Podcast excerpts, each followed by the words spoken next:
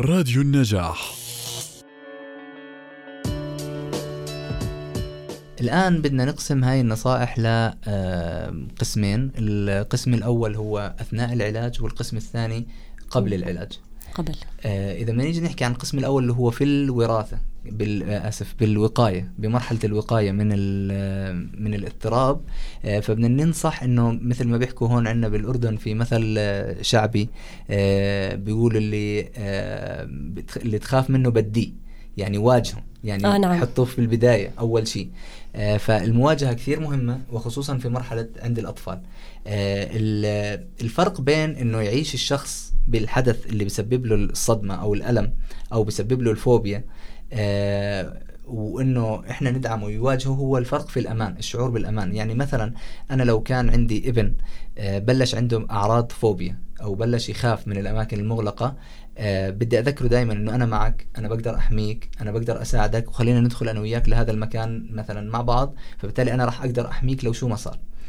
تذكير الطفل بأنه أنا بقدر أحميك لو أنت واجهت أي خطر هذا الشيء بخليه يتشجع يواجه. على مواجهة المخاطر. فدائما الوقاية خير من العلاج بالدرجة الأولى. آه هاي أول نقطة بالنسبة للناس المحيطين.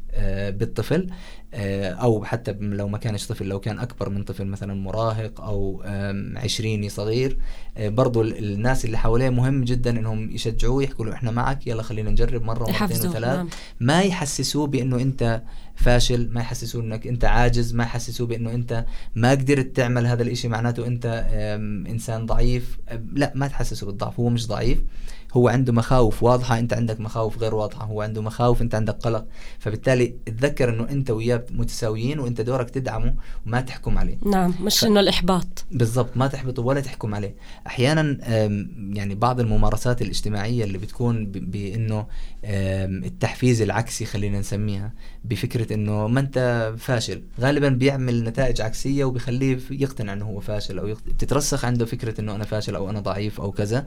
فالأفضل إنه نمشي على نظام إنه أنا بحميك أنا بساعدك أنا بدعمك. أنا معك وأنا بحبك. الحب والتقبل غير المشروط هي دائما مفتاح للوقاية من الاضطرابات بشكل عام وللوقايه من المخاوف بشكل خاص.